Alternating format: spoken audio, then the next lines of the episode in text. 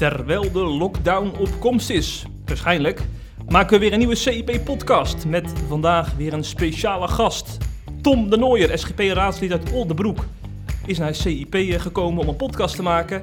En met Tom gaan we deze onderwerpen bespreken. Abortusdebat laait op en Tom de Nooier spreekt zich uit.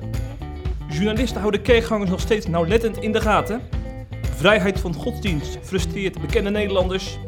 En Donald Trump of Joe Biden? Christenen zijn verdeeld.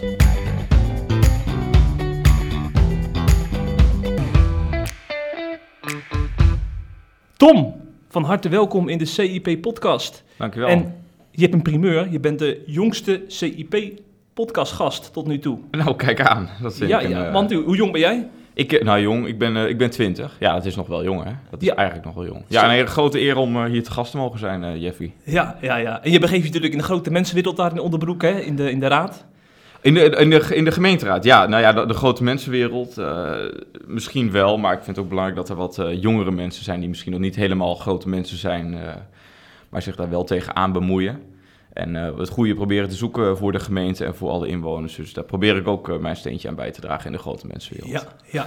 En ook digitaal, want ik zie- regelmatig wat tweets van jou voorbij komen. Dat je eh, even wat van je laat horen in een abortusdebat of zo. Of over de islamisering van Nederland. Ja, dat zijn wel onderwerpen die me aangrijpen, die me ook destijds hebben bewogen om politiek actief te worden, om me ook aan te sluiten bij de SGP. Ehm, dus ik laat af en toe best wel wat eh, van me horen. Ook niet altijd hoor. Ik- het is niet dat ik nou fulltime opiniemaker ben. Dat wil ik ook helemaal niet. Maar eh, soms ontstaat zoiets of soms eh, kun je ergens over uitspreken en wordt het opgepakt. En beland je voordat je het weet eigenlijk in een debat terecht. Maar dit biedt ook mooie kansen om je het geluid waar je voor staat, het geluid voor christelijke politiek, te kunnen laten horen. En nou ja, die kans wil ik natuurlijk ook alweer aangrijpen als die zich voordoen. Dus Ja, ja, zeker. Zeg, we gaan wat eh, boeiende nieuwtjes bespreken in deze podcast. Maar we beginnen eerst met onze vaste rubriek.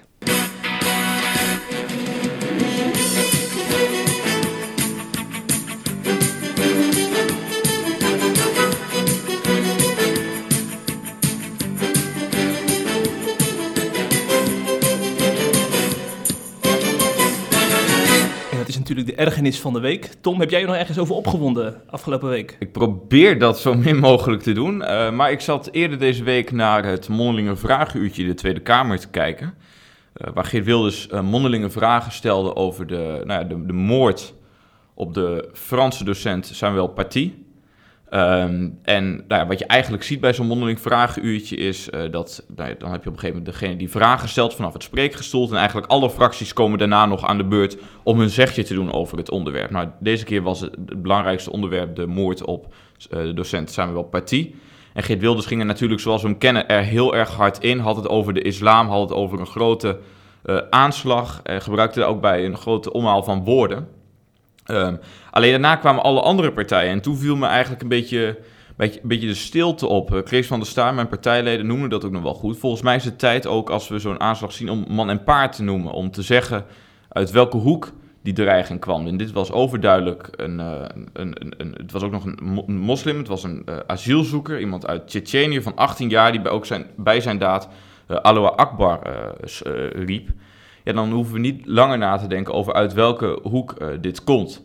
En nee, dat betekent niet dat we dat alle moslims moeten aanrekenen, maar dat betekent wel, ook omdat het niet de eerste aanslag is, uit naam in ieder geval van de islam, eh, dat we wel moeten kijken van ja, we zien nu dat het uit een bepaalde hoek komt, wat kunnen we daartegen doen? En doen we eigenlijk wel genoeg in die strijd tegen dat moslimextremisme? En dat begint bij het benoemen ervan. Dan pas kun je zoeken naar eh, de juiste aanpak. En dat, eh, dat is niet één bepaalde oplossing die er is. Er is een heel scala aan dingen die je volgens mij moet doen. Je moet ingrijpen als er bijvoorbeeld eh, over de schreef wordt gegaan binnen moskeeën. Maar je moet ook heel veel doen aan preventie en het actief eh, jongeren en ouderen. In dit geval was het een jongere van a- 18 jaar, maar ook een oudere mensen, iedereen ehm, eh, van andere afkomst bijvoorbeeld binden aan onze samenleving. En Maar dat zijn allemaal punten waar ook bijvoorbeeld D66 allemaal voor is. Dus wat moet bijvoorbeeld Rob Jetten van D66 volgende keer tweeten na een volgende aanslag uit de moslimhoek? Nou, in ieder geval erkennen, het, gaat ook niet per se om het islambash. Hè? Daar, daar, ligt het, daar ligt het ook niet in. Dat is niet het doel. Het gaat erom dat je erkent uit welke hoek eh, het komt. En dat je dat niet allemaal over één kam van ja, er wordt weer eens een keer geweld gebruikt. Of ja, er is, er is iemand eh, vermoord. En laten we vooral staan voor onze waarden, wat we ook vooral moeten doen. Maar als we zien dat het niet de eerste keer is en dat we in een aantal jaar geleden ook Charlie Hebdo hadden en dat we ook de Bataclan hadden en dat we ook allemaal andere aanslagen gezien hebben, dat we een, een aanslag in Nederland hebben gehad, in Utrecht, um, moeten we dat niet onderschatten en moeten we ook eerlijk, en ook als het uit een andere hoek komt, moeten we dat ook zeggen, maar moeten we ook eerlijk zeggen waar die aanslagen vandaan komen en op die manier ook proberen te zoeken naar een oplossing.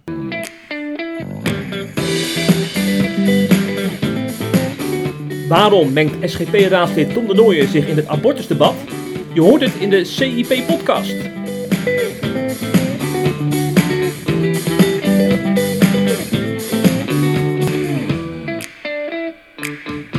Zeg, we gaan naar ons hoofditem uh, van de week. Dat is abortus. Uh, en dat ontstond al uh, een tijdje geleden. Toen zag ik wat ophef op Twitter. En dat begon volgens mij bij een tweet van jou. Toen jij Roelof Bisschop aanhaalde uit een programma. Toen hij zich ja. uitsprak over abortus. Hè? Toen is er een hele discussie op gang gekomen. Dat is echt opvallend om te zien. Het, was, uh, het kwam uit het programma Danny op straat van de NTR. Uh, wat ook best wel goed bekeken wordt. Dus misschien zullen mensen het ook wel herkennen. daar ging het ook over pro-life demonstranten. En Roelof Bisschop zat er maar een heel kort fragmentje in. Ik dacht, ik knip dat even uit en ik zet het op Twitter. Vervolgens reageert Tim Hofman van BNN-Vara op mij. Uh, en hij heeft natuurlijk ontzettend veel volgers, veel meer dan ik, uh, uh, dan ik er heb.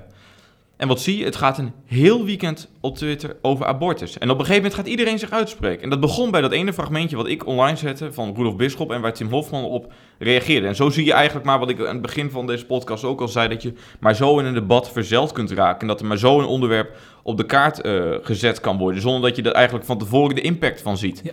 Dus en, nou, dat bewees dit ook alweer. En voor je het weet zit je dan bij Radio 1, hè? bij Dit is de Zaterdag. En daar had jij een discussie met uh, een redacteur van de Nieuwsbv. En laten we even een fragmentje horen om te horen hoe dat eraan toe ging. Zeg maar, geen enkele vrouw wordt zwanger met het idee... oh, ik ga een abortus plegen. Dus als het gebeurt en het is ongewild... of iemand is verkracht... of wat er dan ook voor reden is dat je die abortus wil plegen... dan zou je dus moeten voor zorgen dat die vrouw ondersteuning krijgt. Mentaal ook. Omdat het een hele, hele ingrijpende keuze is om te maken... En waarom, ga je, waarom wordt daar dan geen aandacht aan besteed? Waarom ga je het vrouwen nog moeilijker maken? Nou, dat snap ik echt niet. Tom? Ja, ik vind het ook dit argument vind ik dan weer zo typisch dat er wordt. Dat hoor je heel vaak. Hè? Als je dan dus gewoon kritisch bent op de huidige abortuspraktijk in Nederland, wordt er heel vaak verkrachting bijgehaald. En ja, dat vind ik echt. Daar wil ik niet lichtvaardig over praten. Want de situaties kunnen zo ontzettend schrijnend zijn. Dat mensen in complete radeloosheid zitten van wat moet ik nu. Dus laat ik daar niet te mak over spreken. Maar dat is een heel klein percentage van het aantal abortussen in, in maar ik vind wel dat je nu een beetje selectief reageert op wat ik zeg. Want het gaat niet alleen maar over verkrachting. Ik heb het over alle redenen om abortus te plegen. Ja. Het gaat me er vooral om dat je iemand niet moet dwarszitten als die keuze wordt gemaakt. Maar dat je die persoon gewoon moet begeleiden. Dat is belangrijk ja, dan, bij dat hangt er vanaf of je überhaupt ervoor bent dat dat leven wordt beëindigd. En ik heb het juist over een heel groot. Ik haalde net een klein argument van jou, maar ik heb het zelf over dat hele grote aspect van waar financiële motieven. of het komt nu even carrière technisch niet uit. Zo, Tom, jij wond er geen doekjes om. Uh, je dacht, ik moet hier eventjes wat van zeggen. Ja, eigenlijk wel. Het, het, het, concept eigenlijk van het programma Dit is de Zaterdag is zo. Je zit met uh, drie gasten aan tafel en iedere gast neemt twee artikelen mee. Dit artikel kwam niet eens van mij af. Uh, Voor welk artikel bedoel je precies? Het artikel waar, waar het ging over abortus. Uh, dat er een soort van internationale coalitie aan het ontstaan is uh, dat zich uitspreekt tegen abortus. en dat dat Rosemarijn van de Nieuwsbv had dat meegenomen. Ehm, en normaal is het helemaal niet zo dat ik per se bij elk item op zoek ben naar debat. Helemaal niet. Heel veel dingen laat ik gewoon ook... ja, hebben mensen daar interessante dingen over te zeggen. En dan laat ik het daarbij en dan gaan we weer door naar het volgende onderwerp. Maar nu vond ik dat het toch zulke, nou ja, eigenlijk slechte, niet inhoudelijke argumenten werden gegeven voor uh, abortus. Dat ik dacht van ja, volgens mij verdient het debat wel beter. En ehm, nou ja, daar had ik toen Roosmarijn op aangesproken. En dat mondde nog wel uit in uh, nou ja, een felle woordenwisseling. Maar wel netjes op, uh, op, op inhoud. En niet op de man. En dat vind, vond ik al in ieder geval wel winst. Want heel vaak gaat het anders van beide zijden. Er worden, er worden toch hele felle verwijten op, op persoonlijke mensen gemaakt. Ik denk dat dat niet de oplossing is. Nou ja, ik zag bijvoorbeeld Sjoerd Sjoerdsma van D66. Die tweette onlangs uh, richting een SGP-kamerlid, Bisschop volgens mij. Van bemoei je met je eigen baarmoeder. En denk van, ja, dat is toch geen debat, hè? Precies, dat, dat vind ik dus zo jammer, hè. Dat het dan op de persoon hebben, want het gaat dan over jouw baarmoeder. Dus dat wordt een heel persoonlijk gemaakt. En uh, wordt eigenlijk ook nog een soort van onderliggend, ja, misschien moet het een grap voorstellen, ik weet het niet, van dat het dan een man is en dat je dan niks zou mogen zeggen over abortus. Dat is volgens mij niet de manier hoe we in Nederland over allerlei onderwerpen de discussie voeren met elkaar. dus ook dat valt daar misschien wel onder. Dat dat, dat opmerkingen zijn waarvan ik denk, jongens, we moeten volgens mij een inhoudelijk debat voeren. Je ziet daar wel een bepaalde soort angst. En ook eigenlijk mensen die dat helemaal niet willen. Ehm, vooral in progressieve hoek, die zeggen echt van, ja, dit is een debat van vroeger. Uh, dat is het debat van de jaren 60, 1984 uit mijn hoofd kwam de abortuswet. Toen is het een verworven recht geworden voor vrouwen en daarmee klaar. En laten we het er vooral niet meer over hebben en hup, doorsnel naar het, door naar het volgende onderwerp. Uh, maar ik denk dat dat niet de goede oplossing is. Ik zie een steeds grotere opkomst eigenlijk van, van verzet tegen in ieder geval de huidige abortuspraktijk in Nederland. Ook in Nederland, want in Polen is het natuurlijk wel helder. Hè? Daar, daar gingen we uh, demonstranten vorige week de straat op om bijvoorbeeld uh, uh, kerken lastig te vallen, omdat de abortuswetgeving is aangescherpt. Ja. maar zie je in Nederland dan ook die, die ommekeer, dat er de abortuswetgeving flink wordt aangepakt? Uh, nou, wetgeving, dat staat nog niet zozeer in de Tweede Kamer ter discussie, maar dat heeft misschien een andere oorzaak waar we misschien zo nog over kunnen hebben. Maar wat ik wel zie is uh, dat bijvoorbeeld onderzoeker Kita Muis, die was uh, te gast in het programma VPRO Tegenlicht destijds, waar ik ook nog in te zien was. En die gaf aan dat jongeren eigenlijk voor het eerst uh, eigenlijk conservatiever dan hun ouders denken over zaken als abortus. En dat vond ik winst. Nog steeds is er een hele grote groep mensen die er nog steeds hartstikke voor is. En die, die daar ook, uh, waar het voor hen ook geen onderwerp eigenlijk van discussie is, want die zijn er toch wel voor. Maar je ziet wel dat de jonge generatie toch in ieder geval kritische vragen erbij begint te stellen.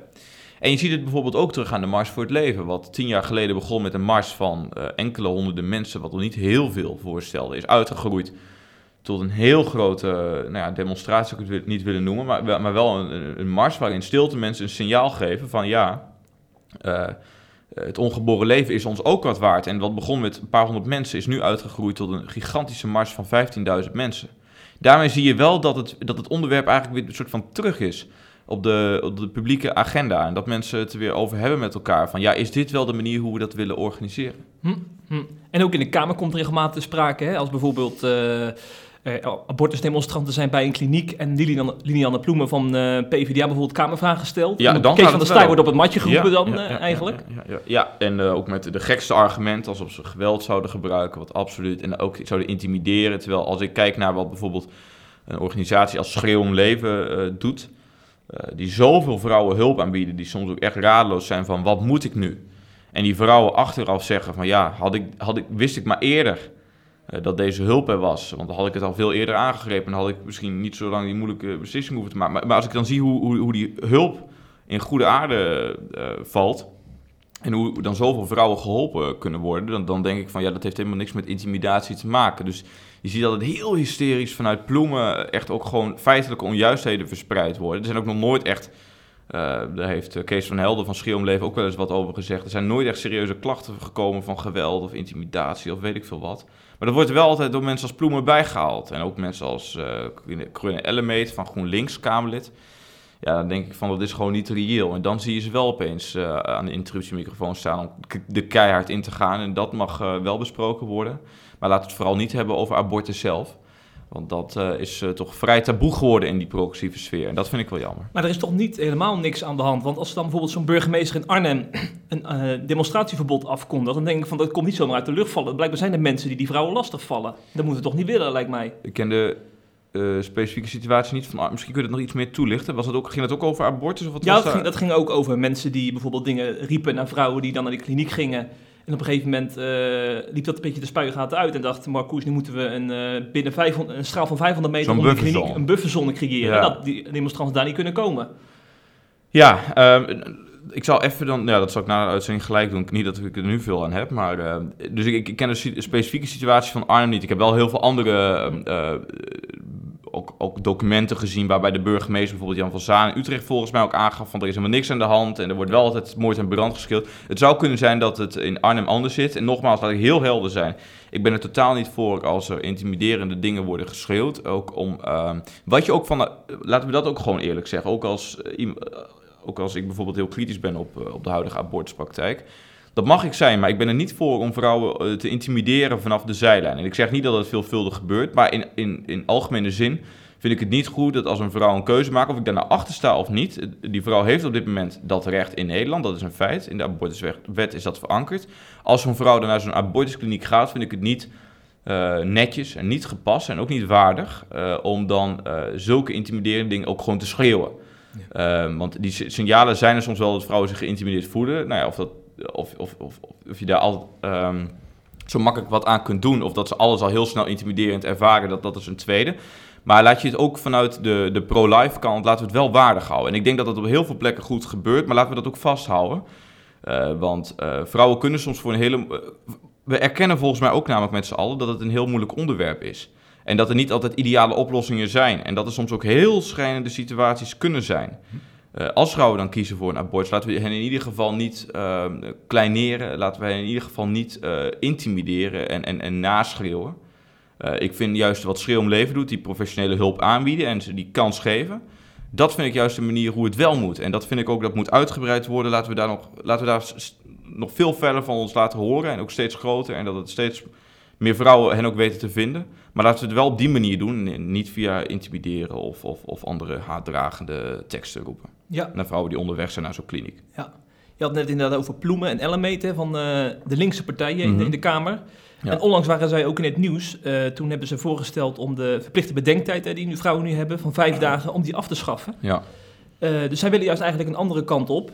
Ja. Ehm, als je, als je dat dan leest, dan, dan denk ik dat is weer een hele andere afslag die, eh, die we willen nemen dan bijvoorbeeld in Polen of Amerika, hè, waar juist die abortuswetgeving wordt ingeperkt. En, en dan zie ik, dan kijk ik nu even naar de rechterflank van de Kamer, dan zie ik daar PVV en Forum voor Democratie.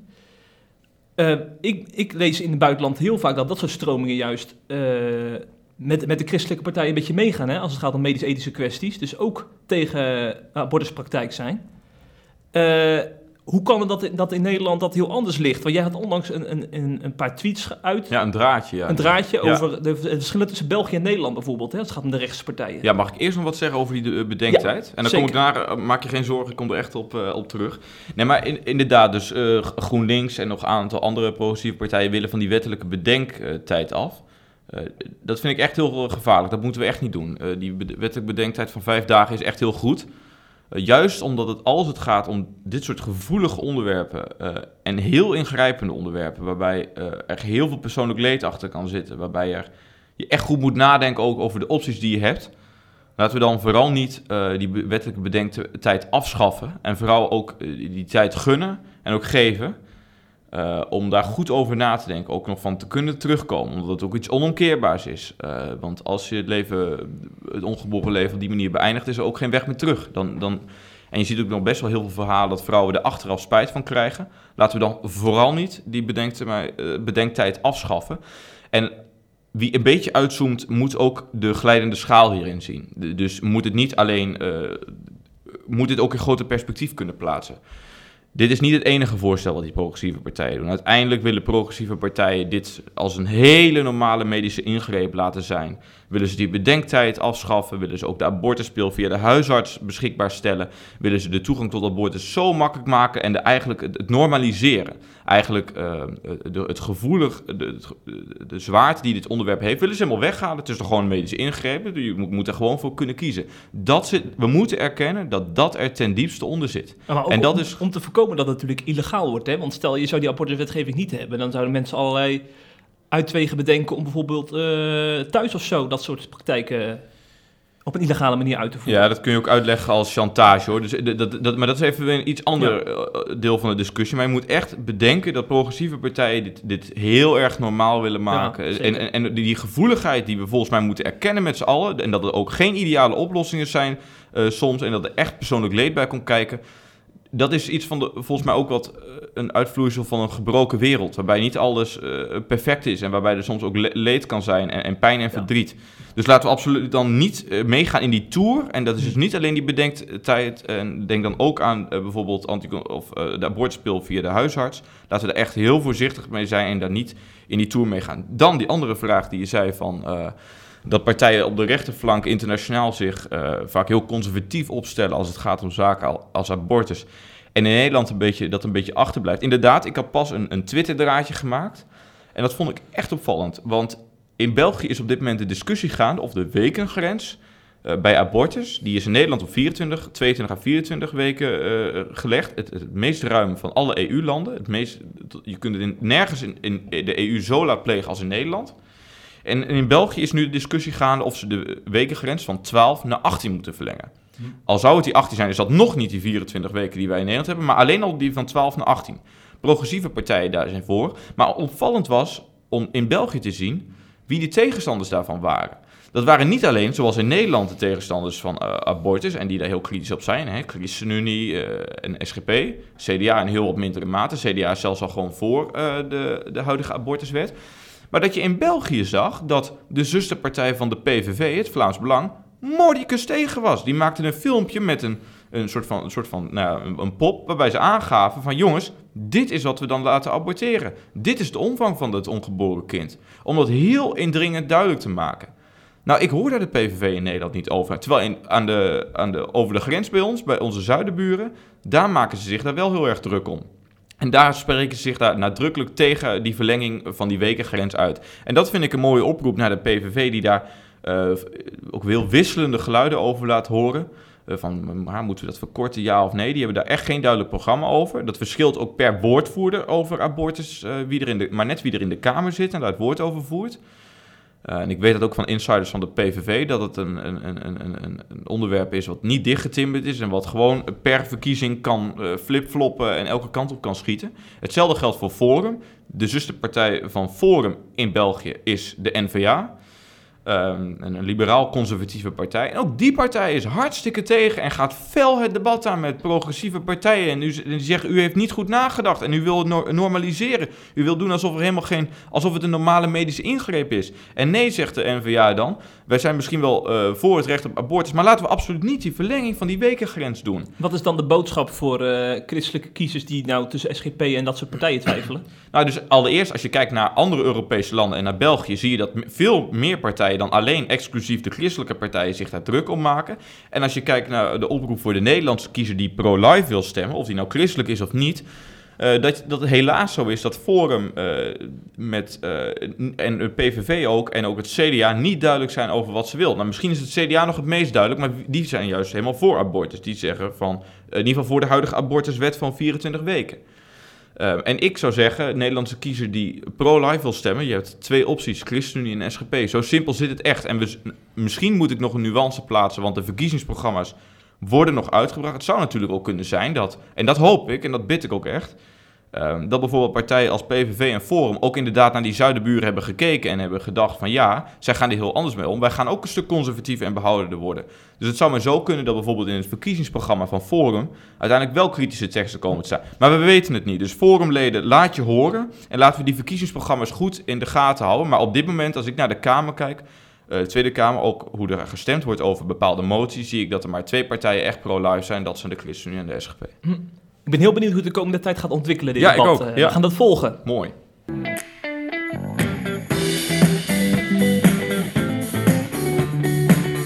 Het laatste nieuws uit christelijk Nederland bespreken we in de CIP-podcast.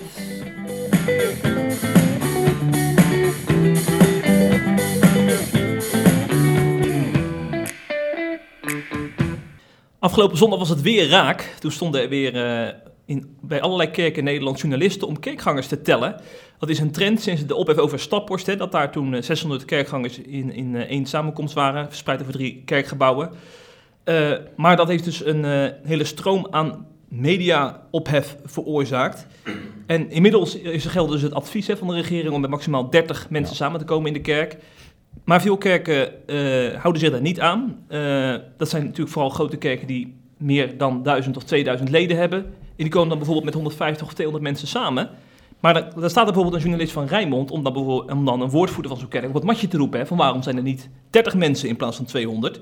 Nou, en dat klinkt dan zo bij RTV Rijnmond. De scriba, de woordvoerder namens de kerkenraad, wordt naar voren geschoven om uit te leggen waarom er 200 gelovigen welkom zijn. Omdat wij uh, ons willen houden aan Gods woord, waarin uh, gezegd wordt dat wij de onderlinge bijeenkomsten niet moeten nalaten. En daarom is toch gekozen voor deze samenkomsten met veel gelovigen en niet alleen online kerkdiensten. Online vervangt nooit de samenkomst van uh, het samenkomen in de kerk. Dus wij vinden de samenkomst in de kerk onder Gods woord vinden wij uh, belangrijker als online. En u bent niet bang voor het virus? Ik ben niet bang voor het virus, zeker niet. Als ik het moet krijgen, dan schaar ik mij onder de verantwoordelijkheid van God, die mij dan ook geneest. Begrijp jij überhaupt dat er journalisten zijn die deze kerken nou net in de gaten houden in deze coronatijd? Um, nou, misschien wel ja, want het is, uh, het is er veel over gegaan en er is een advies en sommige kerken die nemen dat advies wel, uh, die, die nemen dat de kennisgeving aan, maar maken er zelfstandig eigen afwegingen van. Nou ja, het is natuurlijk ook journalistieke vrijheid om de aandacht aan te schenken. En veel mensen in Nederland zijn er ook in geïnteresseerd en volgen dat nauwlettend en zijn dat er misschien wel of niet mee eens. Dus allereerst, ik, ik, begrijp wel dat daar in algemene zin aandacht voor is. En dat mensen uh, dan kijken van, oh, wat gaan die kerken nou doen? Dat is natuurlijk ook wel interessant. Zo, zo simpel uh, is het ook wel. Aan de andere kant, uh, we zijn nu een paar weken verder dan dat advies is uitgebracht. Volgens mij twee of drie weken zijn we nu verder. Corrigeer als het niet zo is. Ja, drie, drie weken Ja, mij. drie weken. Nou goed. Dus het is niet meer de eerste keer. En we weten inmiddels wel hoe die kerken erin staan. Het, wat mij nu, wat gevoel mij nu een beetje bekruipt, is dat het eigenlijk Net zoals elke nieuwsuitzending op de radio afsluit met de, de, de, de files en het weer. Dat het eigenlijk op zondag elke nieuwsuitzending ongeveer een beetje besluit met uh, hoe hebben de kerken zich gedragen. En dat het eigenlijk een soort van vast uh, rubriekje wordt om eens even de kerk uh, goed in beeld te brengen. Wat zijn nou precies hoeveel, hè, dan op, hoeveel precies heeft u er nou in uw kerk? Ja, sommige kerken weten het ook niet helemaal precies. Um, omdat je dat niet misschien op de persoon nauwkeurig gaat tellen. Maar, dus ik vind dat wel dat die aandacht echt, de, nu we ook zeker nu een tijdje verder zijn. Kijk, het eerste weekend begreep ik nog wel, want natuurlijk, wisten we ook niet wat die kerken gingen doen. Maar wat nu elke keer als een soort van weer uh, vast rubriekje te laten terugkomen, denk ik wel van ja jongens. Het is, de kerken zijn ook niet de enige. Hè? Er zijn nog meer uitzonderingsgronden voor bijvoorbeeld uh, betogingen en ook voor democratische organen. Denk aan gemeenteraden, provinciale staten, Tweede Kamer, parlementen. Dan denk ik van ja jongens, moeten we alleen uh, die kerk continu ook echt bijna een soort van krampachtig volgen. Van oh en hoeveel, hoeveel zijn er nou vandaag? Alsof het een soort RIVM-cijfers zijn die continu worden geturfd en bijgehouden. Denk van ja, um, ik, ik zou nooit journalisten dat verbieden hoor. Ik sta helemaal voor de journalistieke vrijheid. Dus dat is ook echt, echt een eigen, eigen afweging uh, van die nieuws, uh, nieuwsbladen en nieuwsplatforms. Um, alleen ik zou het gevoel wat ik een beetje bij heb van jongens, uh, met gemak weten we het wel. Uh, de publieke opinie heeft zich erover uitgesproken en dan is het volgens mij ook wel duidelijk. En wat ik, wat ik nog het meest kwalijk vind persoonlijk, is dat er dan in die berichtgeving uh, heel eenzijdig wordt bericht over bijvoorbeeld het aantal zitplaatsen in de kerk. Ja, hè? Lees je, er zijn 250 mensen, je leest niet dat er 2000 in kunnen bijvoorbeeld. Je leest ja. ook niet dat ze zich aan al die RIVM-maatregelen houden handen wassen, weet je wel. En Ja. mondkapje op als je, als je weer naar de auto gaat. Ja, Het Dat- is allemaal zo eenzijdig allemaal. ja, en dat wordt wel altijd vaak door die woordvoerders van die kerken die dan de media te woord staan, eh, voor of na dienst, wordt dat verteld. Maar dat haalt dan zo- soms ook de uitzending weer niet. Oh, maar die woordvoerders zijn ook niet allemaal even scherp volgens mij hoor. Want als zo'n man die dan zegt van we mogen eh, de, de bijeenkomsten niet verzaken omdat het in Gods woord staat, had Mhm. ook gewoon kunnen uitleggen van deze, deze maatregelen houden we in acht. Wij, overtreden helemaal geen regels. Want hij gaat eigenlijk, als je dat niet zegt, dan ga je mee in zo'n frame. Dan ga je jezelf een beetje verdedigen, terwijl het helemaal niet hoeft volgens mij. Maar het is toch prima om te zeggen eh, dat een belangrijke overweging om die kerkdiensten door te laten gaan, is dat we de onderlinge bijeenkomsten niet willen verzaken en de erediensten. Ja, maar daar, het blijft daar een beetje vaak bij hangen. Oh, nou, dat is dan ook een goede oproep dan na- naar kerk. Maar ik denk dus dat het al heel veel gebeurt. Ik zie kerken juist al heel veel zeggen ook dat ze zich nadrukkelijk aan de maatregelen houden die het RIVM eh, voorschrijft. En de afstand, heel veel mondkapjes zie ik ook als ik die reportages bekijk. Eh, afstand wordt gewaarborgd. Er wordt heel veel, ook in mijn eigen kerk. Hè, wij zijn wel teruggeschaald in, in onze wijk. Je zit in de kerk, hervormde Hervo- kerk? Ja, hervormde kerk in Oldenbroek. Eh, de wijk van Schuurman. Dus de mensen die op Twitter zitten, die kunnen hem ook vinden. Die zijn hem ongetwijfeld al een keer tegengekomen. Bij ons is nu ook teruggeschaald naar 30, maar... eh, wat trouwens ook wel een beetje irritant is. Maar er wordt ook keihard geventileerd. Je hoort continu die dingen, die motoren eh, nou ja, aanstaan en daarbij maken. Ideaal is het niet, maar dan zie je wel dus dat daar, kerken daar heel voorzichtig eh, mee omgaan. En ook hun eigen verantwoordelijkheid daarin verstaan. En ehm, nou ja, kerken zouden het moeten zeggen, maar ik zie ook dat het heel vaak niet terugkomt in reportages. Dat, dat, dat, dat eh, eh, verslaggevers er eigenlijk helemaal niet ge- geïnteresseerd zijn. Dat ze alleen maar willen weten, oh, maar hoeveel mensen zijn het er nou precies vandaag geworden? En zijn het er al drie minder of meer dan de vorige keer? Terwijl ik denk van ja, dat is ook een bepaalde, bepaalde insteek die volgens mij niet helemaal eh, het hele verhaal laat zien. Dus dat vind ik wel een beetje, wel een beetje jammer. En eh, volgens mij houden kerken zich heel prima aan de afstand. Gaan ze er heel verantwoord mee om. Uh, dus dan denk ik ook van ja, uh, probeer dat dan ook in kaart te brengen. Hoe goed die kerken het eigenlijk doen. En dat daar heel weinig besmettingen bijvoorbeeld zijn. Dat geeft het RIVM ook telkens in ja. de cijfers aan. Wordt telkens gesproken over percentages als 0,1 tot met 0,3 procent van de besmettingen. Ja, dat is echt verwaarloosbaar in die zin. Terwijl er heel veel kerken nog steeds samenkomen. Dus dan denk ik van, um, uh, dan is er ook geen groot probleem, zeg maar, voor de besmettingen. En um, inderdaad, dat is ook nog wel een dingetje. Heel veel van die verslaggevers, ik zag bijvoorbeeld pas iemand van Poont, Mark Baanders, hij wordt ook wel slijptol genoemd, die was dan weer bij een kerk. Um, maar wat je ook ziet, is dat die verslaggevers heel vaak uit de Randstad komen en dat die alleen maar van die kleine kerkjes uh, kennen. En die grote kerken zijn, zijn inmiddels al lang weer omgebouwd tot cafés of andere grote bibliotheken of zo die ze hebben, kennen ook alleen maar een beetje het beeld van oh, een kerk, daar, die kunnen niet zoveel meer mensen kwijt dan 30. Terwijl in de Bijbelbelt heb je echt units van kerken waar echt uh, duizenden, dat zijn gewoon halve stadions met eerbied gesproken. Qua capaciteit heb ik het dan over. Grappenhuis was in, een, was in een kerk waar 3000 mensen in konden. Ja, dat, dat bedoel ik. Dus dat geeft ook. Kijk, en dan is het toch ook. Ja, dan kun je toch met bij wijze van spreken anderhalve kilometer afstand houden. Ja. Dus dan is, dan, dan is er geen probleem. En laat, dan is mijn oproep ook een beetje naar die verslaggevers en die media van breng dat een beetje reëel in kaart. Kijk hoe groot de kerk is waar je voor staat. Bedenk dan zelf ook hoe, hoe veilig het dan is en hoe, hoe, hoe, dat de mogelijkheid er dan ook is om afstand te houden en breng dat dan ook in kaart. Hm. Het volgende onderwerp heeft hier trouwens ook mee te maken, Tom. Want uh, we hebben natuurlijk over een uitzondering voor de kerk, hè, die grondwettelijk is vastgelegd. Ja. En uh, Tom, Tim Hofman, ik wil Tom Hofman zeggen. we zijn het af en toe best wel eens hoor op Twitter. En we kennen ja. elkaar ook wel, dus... Uh, ja, dat is leuk, dat ja. is leuk. Maar die Tim Hofman die, uh, wint, zich niet alleen op, wint zich niet alleen op over abortus, maar dus ook over deze uitzonderingspositie van de kerken. En hij ging in debat met Gert-Jan Segers van de CU en, uh, in de Op 1 talkshow, maar ook op Radio 1 met theoloog Stefan Paas. En uh, uit die laatste discussie laten we even een fragmentje horen.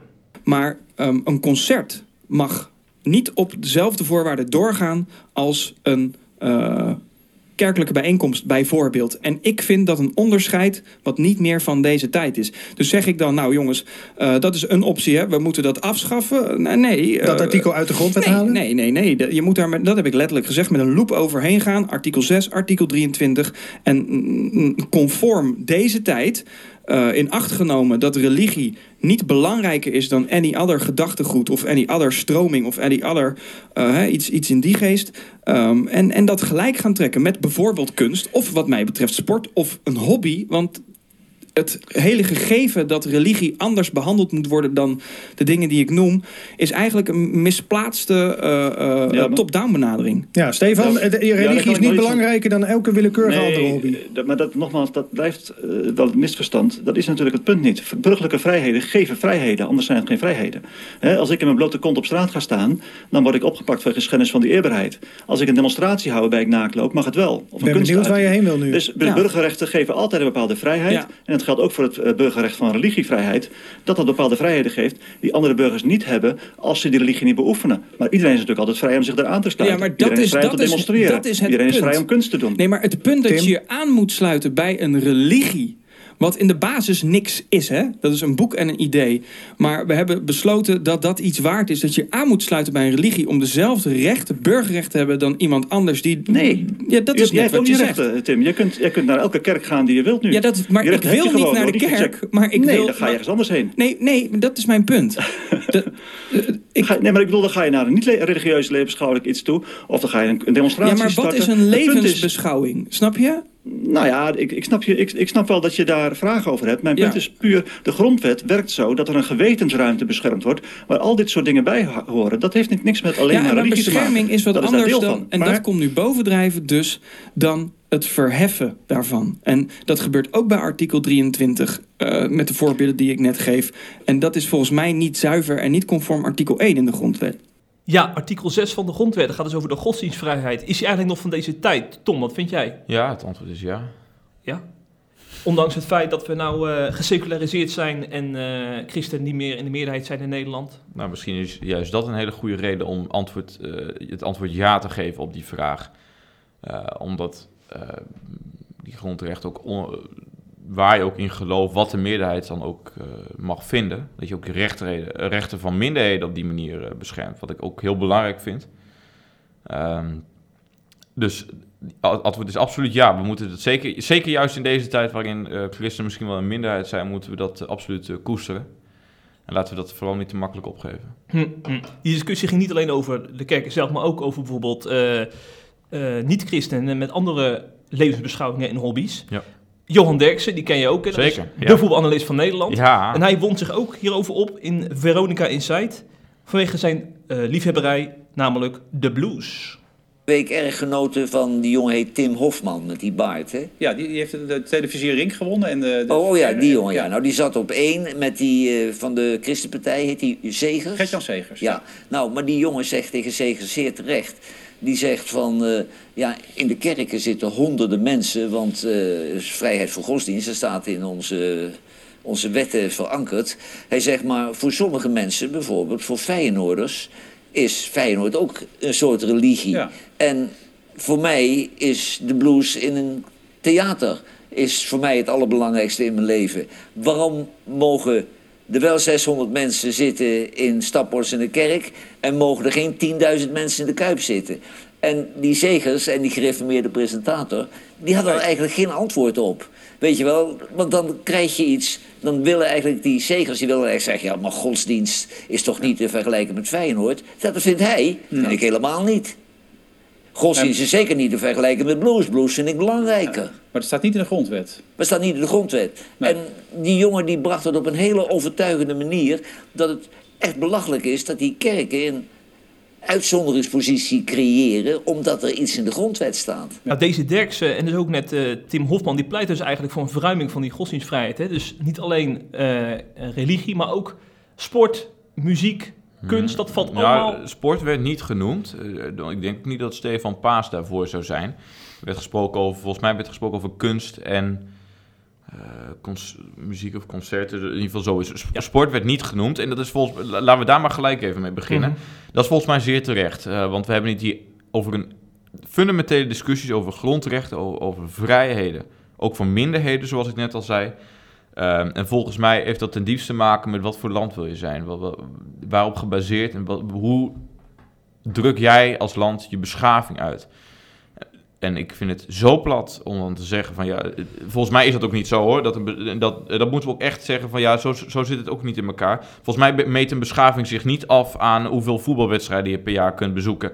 En uh, of, met, of je met je seizoenskaart alle 25 wedstrijden thuis kunt bekijken of dat het, uh, of, of, dat je, of dat het vanaf de bank moet. Ja, als je kerkgang als een hobby beschouwt, dan is het natuurlijk wel te vergelijken met voetbal. maar dat doe ik dus ook niet. En daar, want als je op die tour meegaat en een kerkdienst uh, beschouwt als een, ja, een hobby, ja, dat, vind jij, dat vind jij fijn. Daar ontleen jij een beetje geluk aan. Of krijg jij een eh, fijn, prettig gevoel bij. Als we inderdaad het zo plat gaan slaan, ja, dan, dan, dan gaat de vergelijking met uh, sportwedstrijden absoluut wel op. En met een, een bluesband uh, waar Johan Derks heel erg van houdt. Alleen dat zie ik nadrukkelijk anders. Ik denk dat we het niet zo plat moeten slaan en dat ehm, godsdienst ten diepste ook een soort van opvatting is over een absolute waarheid. En dat hoor ik eigenlijk heel erg weinig terug in het debat. En dat gaat veel verder dan, nou ja, dat, dat vind ik fijn. Nee, dat is een overtuiging, een, een, een, visie op het leven, een perspectief op het leven en het leven hierna. hierna na het leven hier op aarde. Uh, dat gaat zoveel verder dan, ja, daar, daar, heb ik een beetje plezier en geluk aan. Nee, dat zijn ten diepste, ook als het gaat om gewetensvorming. Nou, dat heb je helemaal niet bij Ajax. Je hebt helemaal geen gewetensvorming of zo. Dat je, maar er zijn natuurlijk wel plekken waar je dat wel hebt. Bijvoorbeeld uh, in een theater er, er, zijn mensen die dan echt een boodschap kunnen meegeven aan het publiek en ook daardoor je geweten wordt gevormd. Ja, uh, dan zou ik nog eh, dat zou je kunnen zeggen. Ik vind dan nog dat je hem wel erg plat slaat, omdat uh, in godsdienst denk ik de, de, de, de, de factor samenkomen, die, die, onderlinge diensten ook, wel, zoals die, eh, net in dat fragmentje werd gezegd, dat we de onderlinge diensten niet moeten na, nalaten of verzaken. Uh, ik denk dat dat nog veel meer opgaat voor uh, iets als een godsdienst, waarbij je ook vrij uh, dat kunt beleiden met, met elkaar, nadrukkelijk. Ik denk dat het nog veel meer opgaat dan bijvoorbeeld een, een, een theater, uh, wat je ook misschien wel thuis zou kunnen bekijken. Ik denk niet dat je daar erg gebonden bent, of in mindere mate, zonder daar ook licht over te spreken, want ik, ik, er worden echt hele mooie dingen gemaakt en ik vind dat ook, ik hecht, ik hecht er persoonlijk ook heel veel waarde aan. Ehm, maar godsdienst staat voor mij echt wel eh, anders eh, op die lijst. Dat schakel ik niet zomaar gelijk. En dan zegt Johan Derksen, maar dat vind jij. En dan zeg ik, ja, maar dat vind ik ook. Maar dan is het, die vrijheid heb je ook toch met eh, zelf dan om daar politieke stellingnames aan te verbinden. Dus ik vind ook dat je dat gerust zou moeten kunnen bepleiten. En dat je dat ook moet, gewoon moet kunnen zeggen. En daar politieke gevolgen aan eh, mag verbinden. Van wat je, wat je zou willen, hoe je de samenleving wil inrichten. Dat je die kerkdienst niet gelijk schakelt met het bezoek aan Ajax. Dat je die kerkdienst ook misschien nog niet eens gelijk stelt met het bezoeken van een, van een, van een theater. Of, of een goede band of Ajax. Dus eh, weet je, dat vind ik echt anders. Ja, ik snap je punt, Tom. Maar ik denk dan toch, eh, als zo'n eh, Tim Hofman een petitie zou opzetten... en stel hij zou, ik noem maar wat, eh 80.000 me- mensen meekrijgen... om die godsdienstvrijheid te verruimen. Dan denk ik van, wat is er op tegen? Hè? Dan, houden wij onze vrijheid eh, als christenen. Maar dan, dan wordt, en dan wordt die ook nog eens verruimd voor onze naasten. Ik bedoel, wat, wat zou erop tegen zijn? Nou, je zou het er best over kunnen hebben hoor. Of je, want ik, ik, ik heb het nu nadrukkelijk gehad over of je zomaar een godsdienst als, als hetzelfde kunt zien als een voetbalwedstrijd of een theatervoorstelling Mhm. of een, of een ik. Het antwoord daarop voor mij is nee. Ja. Een andere vraag is, van een heel andere orde, eh, van zou je daar ook niet wat mee moeten doen met, dat, met die concerten en, en, en, en die expressieuitingen, zoals bij kunstvoorstellingen, of daar, daar samenkomen om samen dingen te maken, wat, wa- wat ook gaat om gedachtenvorming, wat ook gaat over het overbrengen van expressie.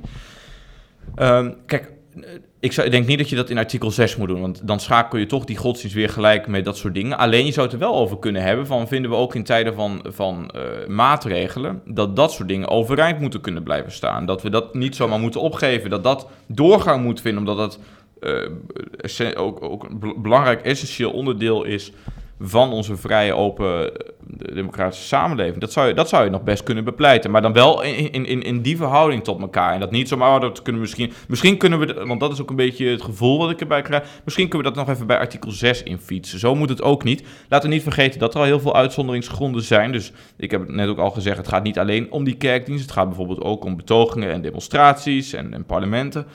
Eh, misschien zou je daar iets mee... En een vrijheid van vereniging heb je natuurlijk ook. Ehm, dus laten we kijken of, of, of, we- of we eh, misschien eerder daaronder kunnen brengen. Dat zou ik beter vinden, want eh, de manier hoe Tim Hofman het aanvliegt is ook van... Ja, nou ja, wat is dan een godsdienst? En dat is voor jou dit en voor mij dit. Nou, dan komen we er samen wel uit. En d- dat vind ik, dat vind ik echt eh, onrespectvol. Ik zou het dan eerder willen zeggen van... Gooi, eh, bekijk dat dan eerder in, het perspectief van vrijheid van be- eh, betoging, vrijheid van vereniging... eh, samenkomsten die daarbij horen... Eh, dan sta ik er helemaal niet onwelwillend tegenover om daarnaar te kijken. Ik weet niet precies of ik er dan- voor of tegen ben, want ik, ik heb er nog nooit zo nadrukkelijk over nagedacht. We hebben nog niet eerder zo'n lockdown gehad. Maar daar valt bij mij wel over te praten. Ik vind dat wel iets interessants waar we ook niet gelijk nee tegen hoeven zeggen. Laten we alles wat we nu hebben nou, eh, maar, want het komt ons goed uit. Nee, daar mogen we ook best reëel in zijn en kijken wat de behoefte van de samenleving is. Eh, en hoe we kijken, kunnen kijken of we daar makkelijk tegemoet kunnen komen. Maar dan niet door het platslaan van de discussie. Nou, ik zou zeggen, volgende keer een podcast met Tim en Tom. En dan komen we er vast wel uit. Nou, ik, Tim, eh, als je dit hoort, als je luistert, ik ben eh, hartstikke voor. Dus schuif lekker bij Jeffrey aan en dan eh, gaan we het er samen over hebben. Helemaal goed.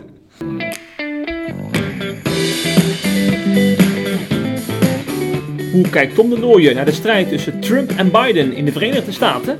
Je hoort het in de CIP-podcast.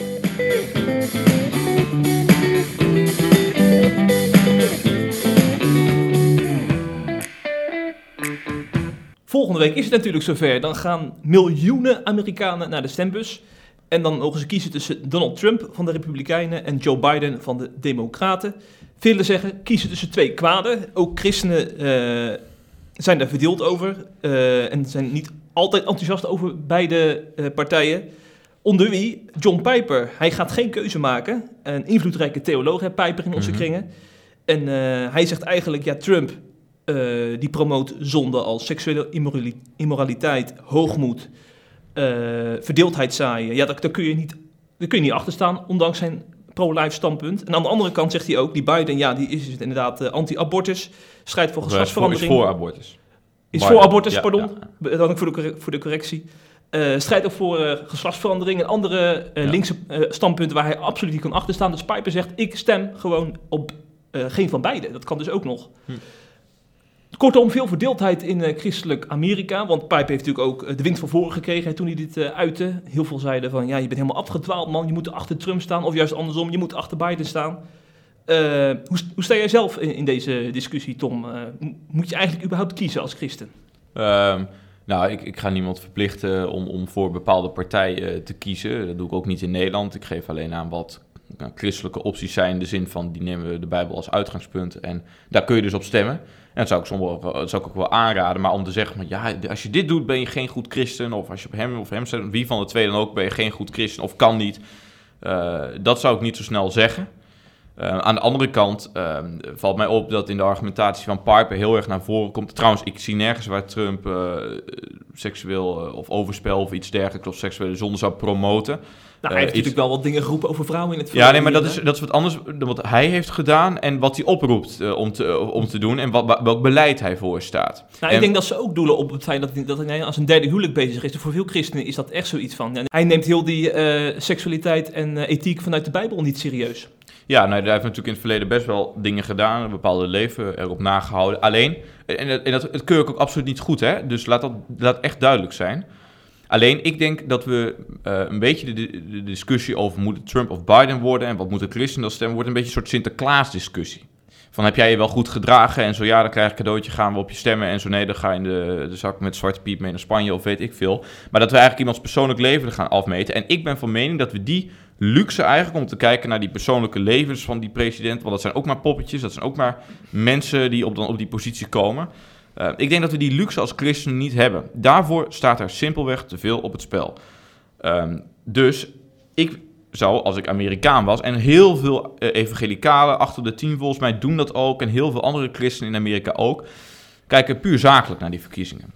En dat is volgens mij heel goed, want politiek gaat over ideeën, politiek gaat over beleid en politiek gaat over macht. En als je dan Trump tegenover Biden zet, is het verschil kan eigenlijk niet groter. Dan zie je pro-life tegenover pro-choice staan. Dan zie je pro-Israël tegenover, nou, Midden-Oosten, dat, dat moeten we... Geen duidelijke pro-Israël lijn. Dan zien we een, een, een president die opkomt voor veiligheid tegenover een president die meer van het pappen en nat houden is. Dan zien we een president die uh, Iran probeert aan te pakken. En dat heeft hij ook gedaan door zich terug te trekken uit de nucleaire deal met Iran. Tegenover een president die in het Midden-Oosten nou ook weer pap en nat houden. Veel praten en geen daden. Zien we een president die uh, traditionele, of traditionele waarden promoot. Zoals family values, opkomen voor familie. Maar ook als je het hebt over traditionele huwelijk. Tegenover een presidentskandidaat die zegt, nou daar ben ik heel liberaal in. Harris is nog veel liberaler en alles moet maar kunnen en... Uh, laten we daar vooral geen, uh, geen richtlijnen vanuit de overheid uh, meegeven. Als, als je je daar goed bij voelt, is het prima. Dat is de keuze als je het hebt over medisch-ethische dingen en als het gaat om Israël, die heel erg belangrijk zijn, die op het spel staat. En volgens mij zou ik zeggen van, nou dan heeft, geniet Trump bij mij absoluut de voorkeur. Ja, nou ja, ik ben heel erg benieuwd uh, wat de uitkomst gaat zijn volgende week. Uh, maar stel jij zo'n Amerikaans paspoort hebben, waar, waar, zou jij dan op uitkomen? Trump Ja, uh, vooral omdat ik Pence, zijn vicepresidentskandidaat, natuurlijk fantastisch vind. Dat is eigenlijk gewoon een SGP'er in Amerika. Die, dat is fantastisch hoe hij praat over het ongeboren leven, hoe hij praat over Israël, hoe hij praat over de veiligheid en defensie. En de Amerikaanse cultuur, ja, dat, dat spreekt mij. Dat is ook iemand. Kijk, laten we dat ook nog even kort benoemen. Biden is iemand die, kijk, die heel erg gedraaid is. Die was vroeger bijvoorbeeld helemaal niet per se voor het homohuwelijk. Nu is hij zo knetterliberaal. Ook Trump, laten we eerlijk zijn. Trump was vroeger ook gewoon flip-flop. Uh, was vroeger pro-choice. Die was helemaal niet tegen abortus. Nu wel. Maar het gaat erom uh, uh, dat je moet kijken wat vinden ze nu en wat willen ze nu implementeren aan beleid. Zo zakelijk moet je ernaar kijken, omdat er ook geen andere optie is. Je hebt daar niet allemaal verschillende partijen waar je, waar je kunt zeggen, nou die is wel betrouwbaar. Die keuze is er simpelweg niet. Het is of Trump of Biden. Eén van die twee gaat het worden. Er zijn, geen, er zijn nog twee andere kleine partijen, maar die maken geen schijn van kans. Want je moet al die staten zien te winnen. Al die kiesmannen. Dus uh, je moet gewoon heel realistisch kijken van wat stellen ze voor. Trump heeft ook geleverd. Hè? De, angst van bijvoorbeeld van Ben Shapiro, een belangrijke Amerikaanse conservatief die in 2016 niet gestemd heeft, uh, zegt nu ik ga wel op Trump stemmen, want hij heeft het wel waargemaakt. Hij heeft die rechters benoemd. Hij heeft drie uh, rechters in de Supreme Court die erg conservatief zijn. Pas ook nog met Barrett uh, afgelopen week. Ja, dan levert hij toch wel. En hij levert ook als het gaat om immigratie tegengaan. Hij levert, heeft ook geleverd als het gaat om die tax cuts, die belastingverlagingen. Hij heeft geleverd als je kijkt naar internationale politiek, hoe hij met Noord- en Zuid-Korea. Het is nog niet ideaal, maar er was nog niemand die dat ooit voor elkaar gekregen had. Hij ziet dat, je ziet nu dat op initiatief van de VS landen die tijdenlang niet met Israël hebben willen praten. Zoals de Verenigde Arabische Emiraten, zoals uh, Bahrein. Dat die nu vredesdeals hebben gesloten met Israël. En dat er, dat er nu een soort van een beetje lucht komt in het Midden-Oosten. Dat is allemaal door Trump gekomen. En nee, die man is niet ideaal. Nee, die man heeft nog steeds veel dingen die ook in zijn persoonlijk leven... waar je bij hem echt kunt aanrekenen van... Eh, is dit wel de manier zoals je zou moeten leven? Maar dan moet je... Maar ik denk nog steeds dat je dan gewoon zakelijk moet kijken van wat heeft hij geleverd, wat staat hij voor. En dan geniet hij bij mij de voorkeur samen met Pence zijn team boven, uh, boven uh, Biden en Harris. Ja, ja, ja. Maar ik ben dan toch even benieuwd. Uh, je hebt net terecht een aantal punten genoemd die Trump heeft bereikt. Ja. Want die horen we vaak te weinig inderdaad. Maar wat, waar ben je dan kritisch op bij hem? Want het is natuurlijk ook iemand die niet alles goed voor elkaar heeft. Nee, dus uh, ik noemde net al zijn persoonlijk leven. Uh, ander onderwerp waar ik wel kritisch over ben is de coronacrisis aanpak van Trump. Vind ik ook niet uh, verre van optimaal. Um, toch een tijdje onder de pet gehouden. Ehm, ondanks dat iedereen het overschat, of sorry, onderschat heeft. Ehm, dus ik reken dat niet alleen Trump aan. Heel veel landen liepen echt achter. Aan de andere kant was hij wel heel krachtig om het vliegverkeer met China en de, de Europese Unie direct flink af te laten nemen en daarin te grijpen. Wat echt hem te prijs is. Maar hij heeft ook veel fouten gemaakt in die coronacrisis, tijden onderschat. In het begin noemde het een hoax van de democraten. Ja, dat, kijk, uh, ook al onderschat je het, dit is wel van een andere orde. Dit is gewoon letterlijk je politieke tegenstanders aanwrijven, een, een, een crisis, een pandemie aanwrijven. Ja, dat hoort gewoon niet. Bizar. Dus laten we ook niet uh, doen alsof Trump uh, perfect is. alles behalve zelfs. Maar en heeft dit ook zeker niet, uh, niet goed gedaan wat betreft die coronacrisis. Dus er zijn ook zeker punten op, uh, op Trump aan te merken. Zo eerlijk moeten we ook zijn. Hm, hm, hm. En na volgende week, dan gaan we natuurlijk een beetje toeleven naar de Nederlandse verkiezingen. Hè? Maart volgend jaar. Zeker. En uh, jij bent natuurlijk SGP-raadslid, dus jij gaat ook de SGP flink promoten de komende maanden. Ja, ik zit in het campagneteam van SGP Jongeren ook nog. ja. Dus ja, dat wordt flink aan de weg timmeren. En ik heb er eigenlijk ook wel zin in. Kijk, ja. Nou, ik kan me zomaar voorstellen dat het de komende maanden nog maar eens een keer een column of een interview met Tom verschijnt op CIP. Want uh, de SGP volgt natuurlijk op de voet. Yes, als nieuwswebsite. Ja, ja, ja. Dus dat gaan we zien. Super. Ik zou zeggen, een, uh, goede reis naar Oldenbroek. Want jij gaat de provincie weer in. Ja, ik, ik duik de provincie weer in. Maar het is, naar Utrecht is goed te doen. Dus uh, fijn dat ik hier te gast kon zijn, Jeffrey. Zeker, Tom. En ik zou zeggen, een fijne week nog. En alle luisteraars, tot de volgende week met weer een andere gast. En we gaan nog wel zien wie dat wordt. Ik weet het nog niet, maar hij gaat sowieso komen. Spannend. Tot dan. Hoi.